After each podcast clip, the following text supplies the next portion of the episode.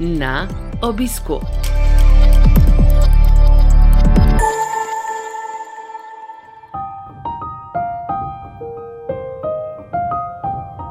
Dobrodošli v novi epizodi serije podkastov na obisku, ki nastaja v produkciji Slovenskega združenja bolnikov z limfomom in leukemijo.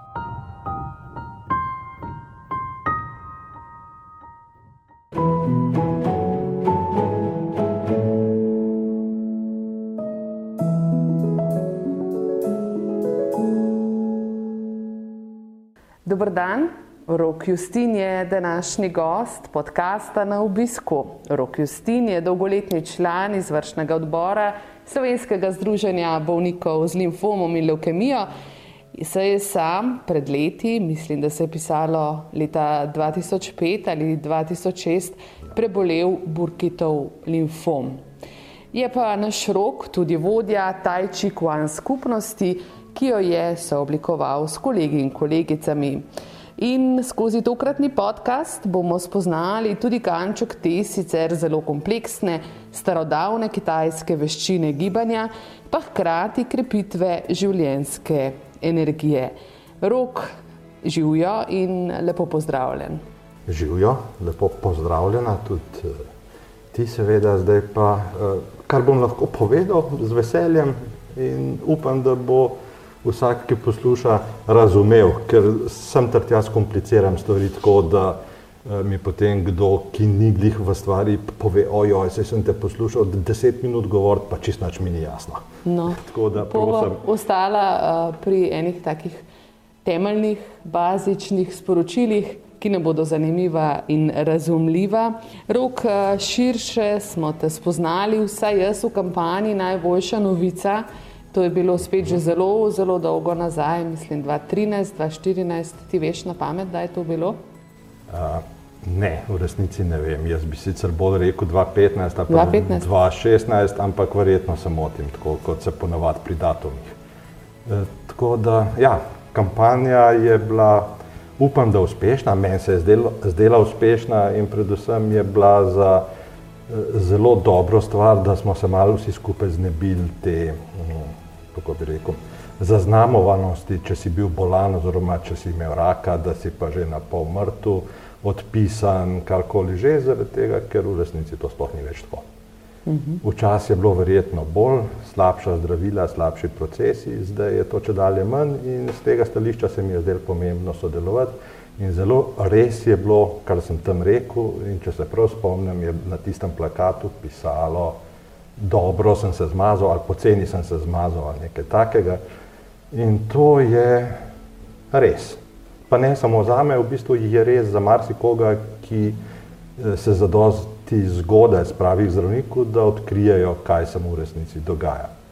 Eh, to je pa mogoče ena stvar, ki bi jo izpostavil tukaj, sploh zato, ker vem, da smo moški, smo ponovadi toliko neumni, da nas more kdo prav uh, spoditi k zdravniku, ker se ne spravimo, pa ne spravimo, pa ne spravimo. Tudi jaz se nisem.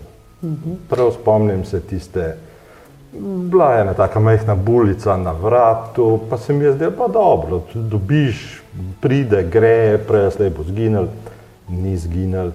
Meni se še zmeri ni zdelo nič pomembnega, pa mi je začela mama komplicirati, eh, kadar sem bil na obisku doma, da kaj pa zdaj to, da se pa že vidi, da to pa nekaj ni v redu. Pa me je začela sestra sikirati, da pa zakaj hodi, če se ne spravi, že zdrav, zdravniku, pa sem si mislil, pa sej, ja, sej bom šel, ampak še tisto službena reč prej, pa še dva sestanka imam, pa aha, še neki mailo moram napisati, pa tako naprej. In potem je to naslednji teden, pa naslednji teden, pa naslednji teden in uh, bom uporabil zdaj en izraz, ko upam, da mi ga ne bodo drugi moški uh, zamerali, ampak trapast kot klasičen dedec, je trajal ne vem, en mesec pa pol, da sem se končno odpravil do zdravnika in to smo želeli potem s to kampanjo povedati vsem, da ko nekaj vidiš, če ti ni jasno, kaj je, če tvojemu zdravniku ni tako jasno, da je to ne vem. Ena neumnost, ki se jo bo hitro rešila na ta in ta način, ustraje, sprav se k zdravniku, naj te pregledajo. In to je bilo to. Na koncu je bila diagnoza burkitov limfom, ne? Žal, žal je bila res ta diagnoza, kar je po eni strani zelo zoprno, po drugi strani pa ne tako hudo, zaradi tega, ker je to sicer zelo agresivna vrsta raka, ampak po drugi strani pa to pomeni, da se zelo dobro odziva na zdravila. Pomeni velik zdravil, precej huda zdravila z precej hudimi učinki, ampak saj deluje. Mhm. Bila pa je tudi operacija, ne, ne le kemoterapija. Najprej operacija, da so tisto bulo izrezali, jo točno zanalizirali, videli, kaj zadeva je in potem na osnovi tega pa tretmaji. Kemoterapije, tako da uh, niso nič hudega v resnici, mislim, so naporne, so neprijetne, so vse tisto po en stran, česar se bojimo in namaramo, po drugi strani pa niso nič konkretno tako groznega, da se ne bi dal preživeti. Kaj z te distance vidiš, na kakšen način je ta burkitov limfom spremenil, zaznamoval tvoje življenje? Predvsej močno se bojim in verjetno nisem najbolj relevantna oseba, da bi to ocenjeval, ker pač opazim samo dano stanje vsakič, ne opazim um, sprememb. Ne? Ampak nekdo, ki me je poznal pred 15 leti ali pa 16 in nekdo, ki me pozna danes, ha, bi zelo verjetno opisovala dva različna človeka. Je nekaj skupnih točk, mislim, veliko skupnih točk, ampak niso pa vse enake. Včasih eh, sem predvsej bolj mislil, da moram ravnati tako, kot drugim paše, ali pa tako, kot se drugim zdi prav, ali pa mogoče celo tako, kot je splošno sprejeto, da je prav. Eh, zdaj načeloma ravnam tako, kot se meni zdi prav in kot je meni všeč. Eh, se pravi, odpade cel kup stresa, odpade cel kup živceranja in težko boš verjela, ampak Cel čas prej sem imel klasične probleme, ki so za recimo temu delo v pisarni, pa razni sestanki, pa dogovori. Želodec me je z, z, z veseljem bolj uh -huh. vsak drug dan. Tak stres, ne? Pa, pa, pa več kisline, pa vse to se pravi. Pa sem jedel antacide, pa sem mogel paziti na hrano. To se zgine. Tega ni več, ker enostavno tega stresa si kadar se le da, ne dopuščam več, kaj je veliko. Sem pa kaj je, ampak zelo malo. Uh mhm. -huh. Res pa je, da to verjetno obremenjuje druge ljudi. Ne? Jaz si predstavljam in včasih tudi slišim, to obremenjuje bližnje zaradi tega, ker si jaz lahko dovolim vzeti zelo na komot vse skupaj, potem mora kdo drug kaj več napraviti ali uh -huh. pa drugače bom rekel, mogoče sem kdaj zaradi tega nezanesljiv ali pa kaj tazga. Kar pa najbrž ni najboljša stran -hmm. tega procesa. Je pa to obdobje ne, po bolezni, po ukrivanju prineslo tudi nov list v partnerstvu? Tudi. Ne vem, kako bi temu rekel. Definitivno je sreča, ampak ne vem, kako se navezuje na, na vse skupaj. Jaz Morda se takrat, sploh ne, ali se? Morda se sploh ne, res uh -huh. je. Res pa je tudi, da človek, kakršen sem bil prej, eh, v tem odnosu zdaj mislim, najbrž ne bi imel kaj iskati človek, kakršen sem zdaj, pa ima veliko. Uh -huh. In od velik zadovoljstva do, ne, vse to vse pove, pravzaprav, uh, zadovoljno življenje. Res pa uh, ne moreš tega predpisovati na uh, recept, ker kakor kdo. Uh -huh. Tudi ljudje, s katerimi smo bili skupaj v bolnici, takrat kakšen še vedno o tem času ne mara niti govoriti, niti razmišljati, niti se ga spominjati. Kako pa pri njih bolj to funkcionira, pa ne vem. Mogoče je, ne vem, mogoče je boljše, mogoče je slabše, vsekakor je pa drugače. Jaz sem gotovo bolj, ko o, o tem neobremenjeno govorim, manj kot se mi zdi to neka stigma ali pa skrivnost, manj imam dejansko problema. E, to mi je nekako prišlo verjetno že iz družine, že prej, ker mislim, da nihče ni imel kakšnega problema o tem govoriti ali pa se pogovarjati. Ampak rezultat mi je všeč no, in to bi rad povedal tudi drugim, da uh, je lažje. Nima mm -hmm. nobenega smisla, zakaj za bi pred znanci ali pa pred mimoidočimi na konc koncev skrival, kaj si, kdo si in kaj si skozi dal. Se res nima smisla jeti, ne vem, v Merkator pa uh, sosedu na blagajni razkladati, ja, veste, jaz sem pa raka prebolel. To bi bilo zdaj potencirano in brez veze. Ne? Ampak zakaj pa, če te nekdo nekaj vpraša, če ga nekaj zanima, se mi zdi smiselno. Pač poveš, se znebiš tega, nimaš napetosti. Tako. Rok, verjetno je tudi ta odnos ne, do te uh, bolezni, ki je šla mimo, tebe nekako pripeljal tudi v združenje. Pravzaprav me je. Na način, da smo takrat še s parimi kolegi in kolegicami so ustanovili tole združenje in, in sicer zaradi tega, ker smo vsi opazili, vsak na svojem uh, področju, ker nismo imeli točno vsi istih diagnoz, da manjka informacij in sicer ne informacij, ki ti jih lahko dajo zdravniki, ampak informacij, ki ti jih lahko da samo nekdo, ki je šel skozi isti proces. Meni je bilo sicer čist fajn slišati vse, kar so mi imeli zdravniki zapovedati, ampak od, sploh od začetka me je zanimala ena sama stvar. Bom to preživel ali ne bom tega preživel? To je, mislim, ta prva logična misel, verjetno vsakega, ki to diagnozo zve, oziroma kakšno podobno. In eh, to zdravniki ti lahko povedo z zdravniškega stališča. Nekdo, ki je pa isto preživel, že samo da veš, da nekdo je, ki je to preživel, je v bistvu že ključni korak, ker potem veš, da se da. Ne glede na to, da nihče ni bil v točno tvoji koži, nihče se ne začne zdraviti v točno isti fazi, na točno isti način in tako dalje, ampak vseeno. In zaradi tega smo vsi stopili takrat skupaj in iskali pod, podobne vere, in pri vsem, kar smo sicer našli v našem okolju, pa točno tega je bilo pa zelo malo, pa težko najti. Uh -huh. In uh, smo poskusili to še tudi kje drugje skozi speljati, pa nekako se mi zdi, da ni bilo toliko posluha, oziroma ne točno na ta način, kjer, kot smo si mi zamišljali, da bi to moralo biti.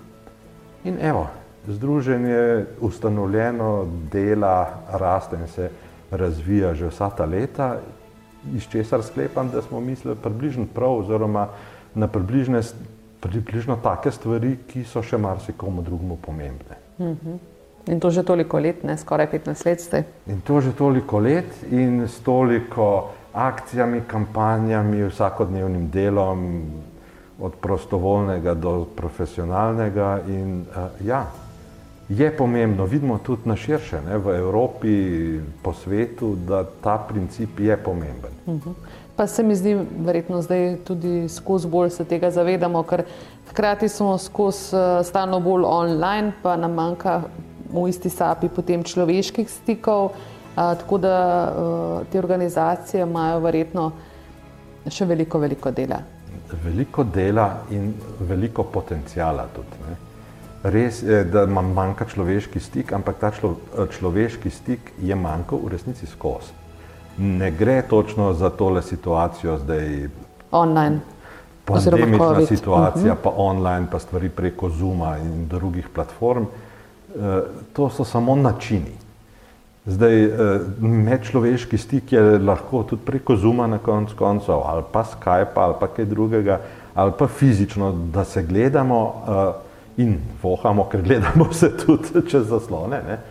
Uh, ampak gre dejansko za ta človeški stik. In mm -hmm. poznam zdaj ljudi, ki jim je to zelo pomembno, poznam tudi ljudi, ki jim gre to v bistvu na živce. Ampak še vedno pa je tistih, ki jim gre na živce v odstotku bistveno manj. In, ampak tudi oni pa rabijo informacije. Mogoče ne gre potem za to, da jih nekdo zdaj karikiram, eh, en mal po roki poboža, pa reče, se ji bo. Pač obstajajo ljudje, ki jim je to odveč, oziroma se počutijo potem, da je nekdo preveč pokroviteljski do njih. Ampak kljub temu ni treba jim dati na ta način, se da tudi na druge načine jim direktno povedati, kar iščejo, kar rabijo. In to je nekaj, kar zelo verjetno se ne da institucionalizirati. To si ne predstavljam, da bi bilo lahko to čist urejeno vem, v bolnici. Uh mhm. -huh. Ker mora biti nekdo, ki je to izkušnjo skozi, in to je ključno.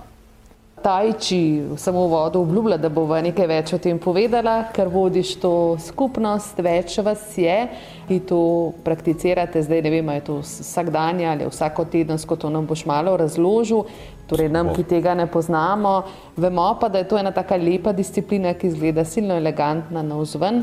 Pa ne vem čist natančno, ali gre pravzaprav za gibanje, ali gre za meditacijo, za gibalno meditacijo. Povej nam malo o tajčiju, ker to je zelo, zelo kompleksna stvar. Res je. E, za začetek te bom prosil, da me opozoriš vmes, ker bom sigurno zašel v kakšno smer, ko bom, bom. Pro, ko bom probal odgovoriti. Bom sledila in opozorila. Prosim.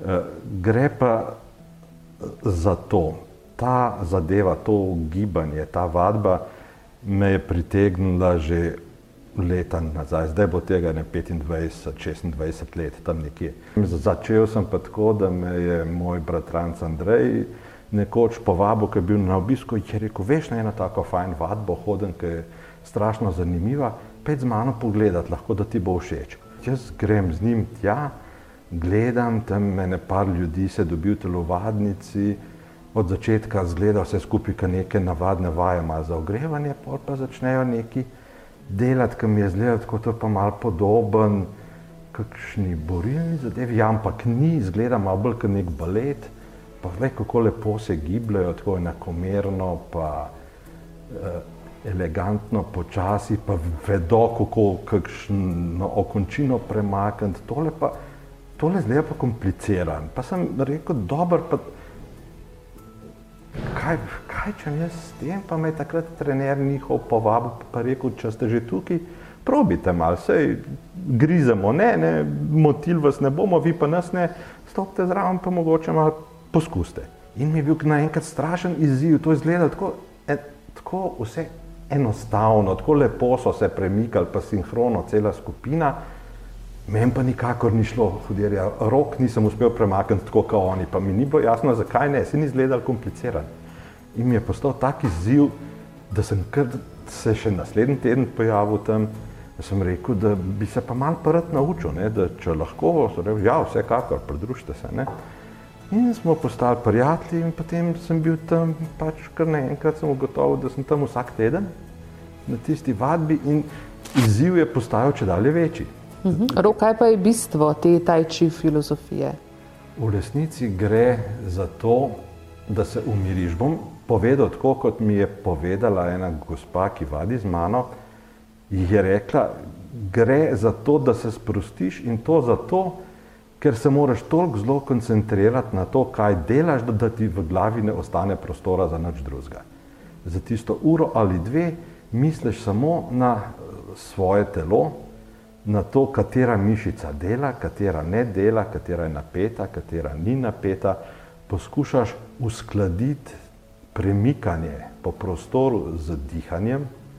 Bistvo je umiritev in gibanje, ki izboljšuje gibljivost, pa ravnotežje, pa tudi, če greva na mal bolj uh, neotipljive zadeve, ta, tako rekoč energijske pretoke. Človek se boljš počuti po tem načinu gibanja in to uskladiti z dihanjem in to uskladiti še z namenom, kaj hočeš s tistim posameznim gibom doseči. Mhm. To je stvar, v kateri se osnove sicer lahko naučiš relativno hitro, ampak potem se pa celo življenje izpopolnjuješ v tem, da je vse lepo usklajeno.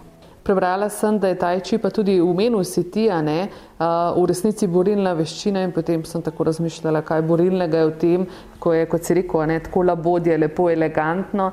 Tudi samemu temu na načinu gibanja pravijo notranji način premikanja, gibanja, naprimer notranja borilna veščina, tudi čist fizično mišljeno, da ne gre toliko za uh, delovanje mišic, kot gre za sproščene mišice in sproščene eh, sklepe in vezivna tkiva, Aha. zaradi česar, če znaš to sprostiti, se lahko v bistvu hitreje premakneš.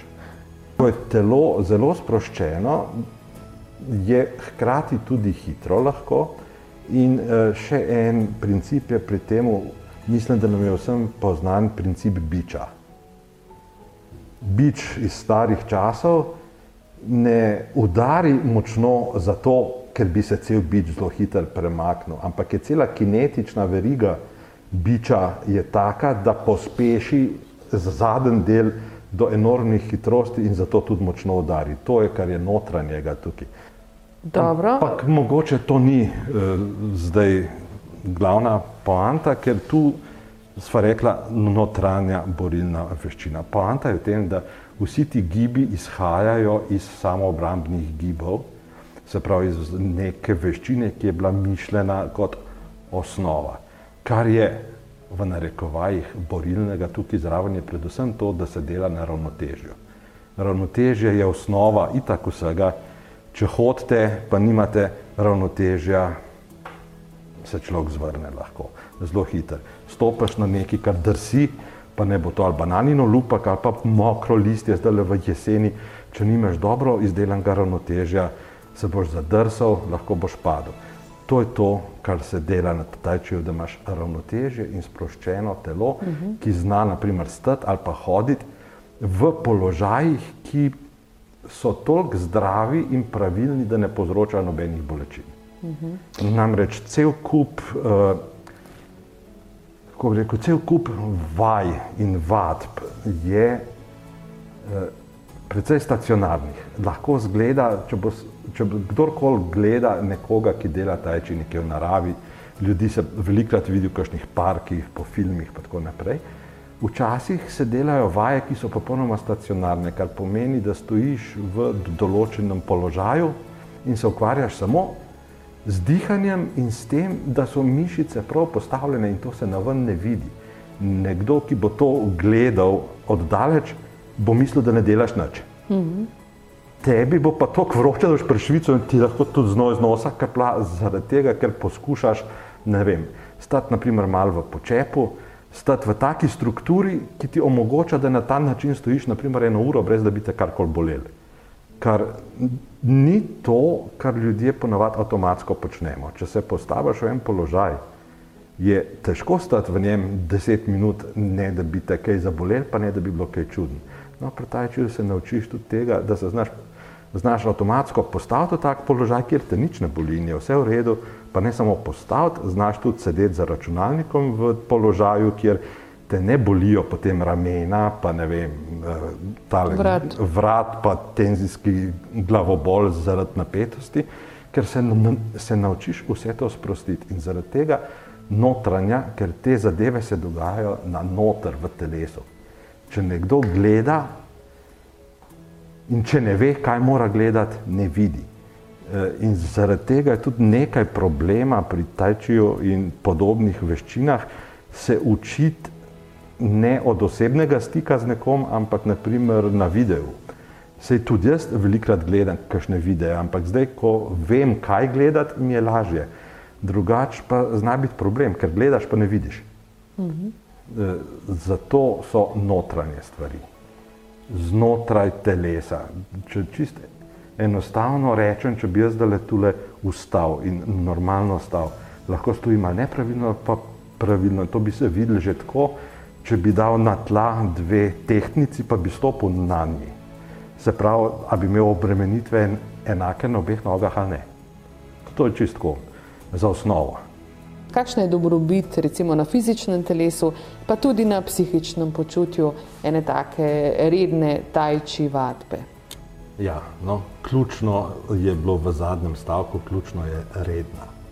Eh, naprimer tudi s kolegi, ko delamo skupaj in vadimo skupaj, mi se dobivamo enkrat do dvakrat na teden, ponavadi enkrat, ampak poanta je, da vsaj še ene dvakrat, trikrat v tednu vsak še doma kaj naredi. Zato, ker če ne, enkrat na teden je v resnici premalo. Zdaj pa dobrobiti. Fizične dobrobiti so uh, predvsem gibljivost, ravnotežje, dobro počutje, potem uh, tudi kondicija, ki je pa odvisna od tega, koliko že znaš. Namreč skoraj vse vaje se da delati na različnih nivojih zahtevnosti. Aha. Da se delati, eh, če si predstavljava, čisto enostavno samo stojo. Človek lahko stoji čisto enostavno po konci, tako kot stojiš, ko čakaš na avtobus. ali pa lahko še vedno stojiš, ampak si čisto počepo. In statu počepu se, se, se pravi, predstavljava si, da delava počepe, pa obstojiva nekje na polovici počepa. Stat v tem položaju sicer ni čist prav, ga je treba malo popraviti, ampak tudi v tem, če to zmoreš 20 sekund, moraš imeti že kar kondicijo. Uh mhm. -huh. Da ne govorimo potem, ko zmoreš to 5 minut. Ne? To je že bistvena razlika. Zveni sicer kot stacionarna uh, kondicija, ampak se pozna tudi eh, pri hoju hribe ali pa pri kolesarjenju ali ja, pa, vem, se... pri čemarkoli uh mhm. -huh. praktično.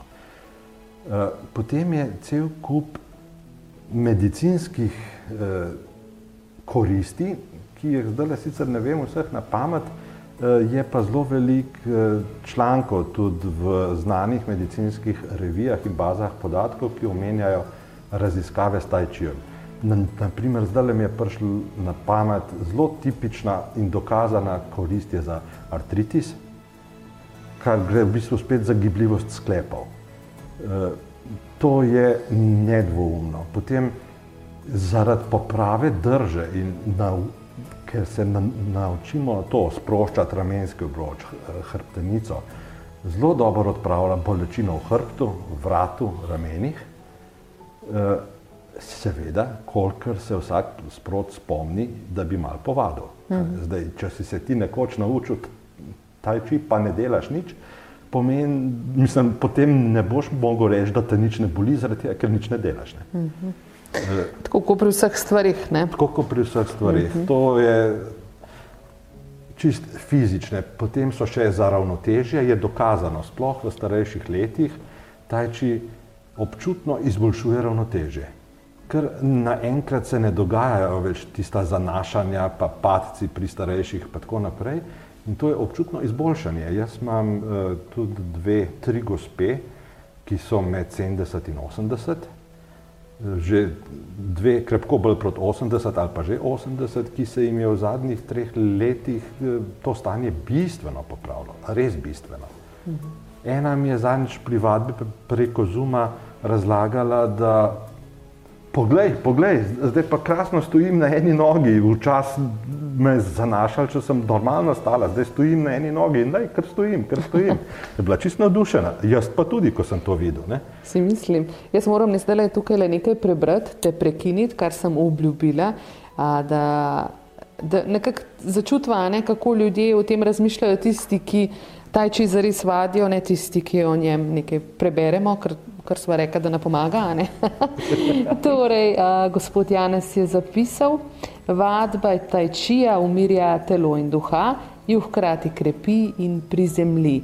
Zdaj je spet vse mogoče in lažje, predvsem pa brez bolečin. Hvala rok, hvala Wu Wei Tajči Kwan Slovenija. Tako... Se mi zdi, da je Janes Kole v dveh vrsticah verjetno povzel to bistvo ne, teh učinkov na telo. Po mojem je, ja. Vem, da ga je večkrat hrbet bolel prej in je bilo to, kar, mislim, verjetno ni bila edina stvar, ki je pomagala. Mhm. Je, še po telovadu z fizioterapevtskimi vajami, pa verjetno še kaj.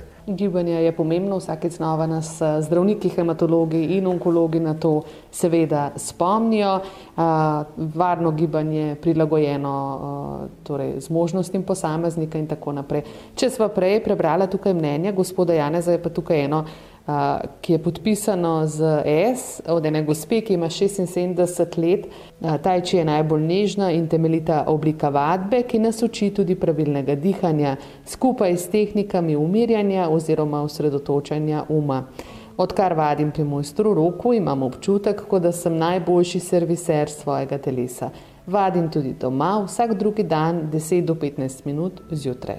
No, to je super princip da si najdeš en čas, kot ti ustreza in delaš. Pa se niti ni treba, da je tako redno, kaj se vemo, ob 8 zjutraj 15 minut, kot ti zapaše, ampak vsake toliko in ja, gospa, ki, uh, to je gospa, ki je zanč mi rekla to, kar sem rekel, da ji uspeva stati na eni nogi in da je to mhm. super in ravnoteže se izboljšalo in tako naprej. Uh, Tudi Neho. hoja, naprimer, ne? ker pri tajčiju obstaja nekaj, čemu se reče tajči hoja, način hoje. tudi to in to gre za hojo naprej, nazaj, gre za take zelo počasne gibe, če si predstavljaš hojo, ne da ti dvigneš nogo, stopiš in to ponavljaš, dokler pač ne prideš kamor hočeš, ampak gre za princip, da stojiš na eni nogi, drugo daš naprej, jo položiš počasi in na tla in potem počasi obremenjuješ celo stopalo, od pete proti prstom, pa greš nazaj, pa ga malo obrneš, pa spet naprej. Predlagam, ne, da ti to ljudem pokažeš, pokažeš prek eh, Zuma, ker ti tako bo potekala tudi tvoja vadba, da sploh v teh razmerah nesrečnih, v katerih živimo s tem virusom in boš to kar pokazal, ne o tem govoril, ampak pokazal. Absolutno. Tako da, da nam malo povej, koga na to otvoritveno uh, vadbo, prikaz prek Zuma vabiš. Vem, da so to člani Slovenskega združenja bolnikov z limfomom in leukemijo in veseli smo, da boš danje pripravo nekaj novega, da bo še ena nova aktivnost, seveda kot vse doslej, za nje povsem brezplačne. Točno tako, hvala lepa. Vsekakor se bom potrudil za vse naše člane in ne morem reči, da za koga absolutno ni. Ne? Eh, če bomo zelo različni v tej skupini eh, po svojih fizičnih sposobnostih, bomo pa skupino razdelili na dve podskupini, pa bo glih tako v redu. Eh, jaz mislim, da je primerno pravzaprav za vse, predvsem pa za tiste, ki jih vsaj mal zanima ali pa jih izziva ta mistika usklajenega gibanja. Eh, ker je dejansko moramo uporabiti ta izraz, ki je sicer malo tak, zveni zelo poduhovljeno, ampak gre za to, da se, da ti je mal izziva to, da se znaš premikati, bom rekel, kot duh, da znaš počas nežno stopati, pa se premakniti brez težkih korakov, tako zelo po otroškom mogoče, tako kot znajo mehni otroci. Pa da uh, ti je izziv, da se naučiš kontrolirati svoje telo in mišice v smislu, da jih znaš sprostiti. Mislim, vsi vemo in poslušamo kar naprej to, da kako se da odpraviti z sproščanjem, pa kako je treba mišice sprostiti, pa kako je treba vrat sprostiti, pa kako, ne vem, glavoboli pridejo od napetega vratu, pa to, to je vse fajn. E, ampak obstaja možnost še naprej, da naprimer e, zadevo sprostiš tako, kot jo zaznaš, avtomatsko. In to se naučiš tukaj. E, pa zdaj, če bi se kdo rad še naučil stvari, ki izboljšujejo ravnotežje, je seveda glihko dobrodošel. In pa cela gibljivost. Jaz, jaz se spomnim iz svojih časov iz bolnice in potem po, po zdravljenju limfoma, eh, bil sem, hotel sem reči zaseden, pa ne gre za zaseden, ampak za ležan. Eh, gibljivost slabša eh, in predvsem gibljivost teh eh, sklepov. Mm -hmm. Če hočete, malo hecno se bom izrazil, zaplesati ples z lopaticami v zadnji na hrbtu, kaj drugače, komi orang premaknemo, pridite pogledati na to vadbo. Dejansko obstajajo celi seti vaj, to zdaj ni tajči, to je čigong in ta dva pojma sta v bistvu zelo zelo povezana. Če samo na hitro pojasnim, čigong so te vaje, ki jih uporabljamo za ogrevanje, ki so bolj, eno, malo bolj enostavne, ampak tudi tukaj so neka zaporedja smiselna ali pa skupine vaj, ki so ciljane na točno določen ali problem v telesu ali način gibanja ali pa na koncu koncev na samo masažo. Mm -hmm. Telo je univerzalna stvar, kar pomeni, da vse te stvari, ki izvirajo iz starih časov, pa ne bojo, ne vem, vzhodnjaške ali pa zahodnjaške, v bistvu nimajo veze, ne? ker je telo isto in vse deluje na isto telo. Uh mhm. -huh. Zaradi tega je tudi čisti iz osnove, v, naprimer v borilnih veščinah, so več ali manj stvari so jasne. Se imaš lahko sto različnih veščin, ampak eh, komod pa lahko stegneš ali pa pogneš samo na par načinov, ne na sto. Zanima me, kdaj in eh, kam nas vabiš na tale ples z lopaticami. Zelo dobro ime si mu dal, zelo atraktivno je slišati. No, ples z lopaticami, zdaj se bom moral držati tega, da bomo res tudi skozi to vadbo šli, pa prav bomo. Eh, na Zoomu za začetek v tej situaciji kaj drugega ne bo. Potem, kasneje, ko se bo tole malo čistilo, bomo pa videli, bomo verjetno napravili in v živo, in na zumu, tako da bodo vsi tisti, ki bodo odkje dlje, da se jim ne bo treba voziti, bodo lahko prisotni preko Zoom povezave. Za enkrat smo si zamislili srede, tam okrog eh, sedmih zvečer, uh -huh. tako da tudi tisti, ki smo po službah, lahko pridejo v miru domov, neki še pojedo, pa potem stopijo pred monitor, pred kamero, pa bomo napravili skupaj to. Prijava pa najlažja na uh, kontakte društva, na telefon, na mail, pa bomo zbrali skupaj, obvestili in štartali v roku kakšnih 14 dni, verjetno. Mogoče bojo trije tedni, ampak tu nekje. Super, rok najlepša hvala za tvoj čas in vse uspešno uh, pri teh plesih z lopaticami. hvala lepa in enako.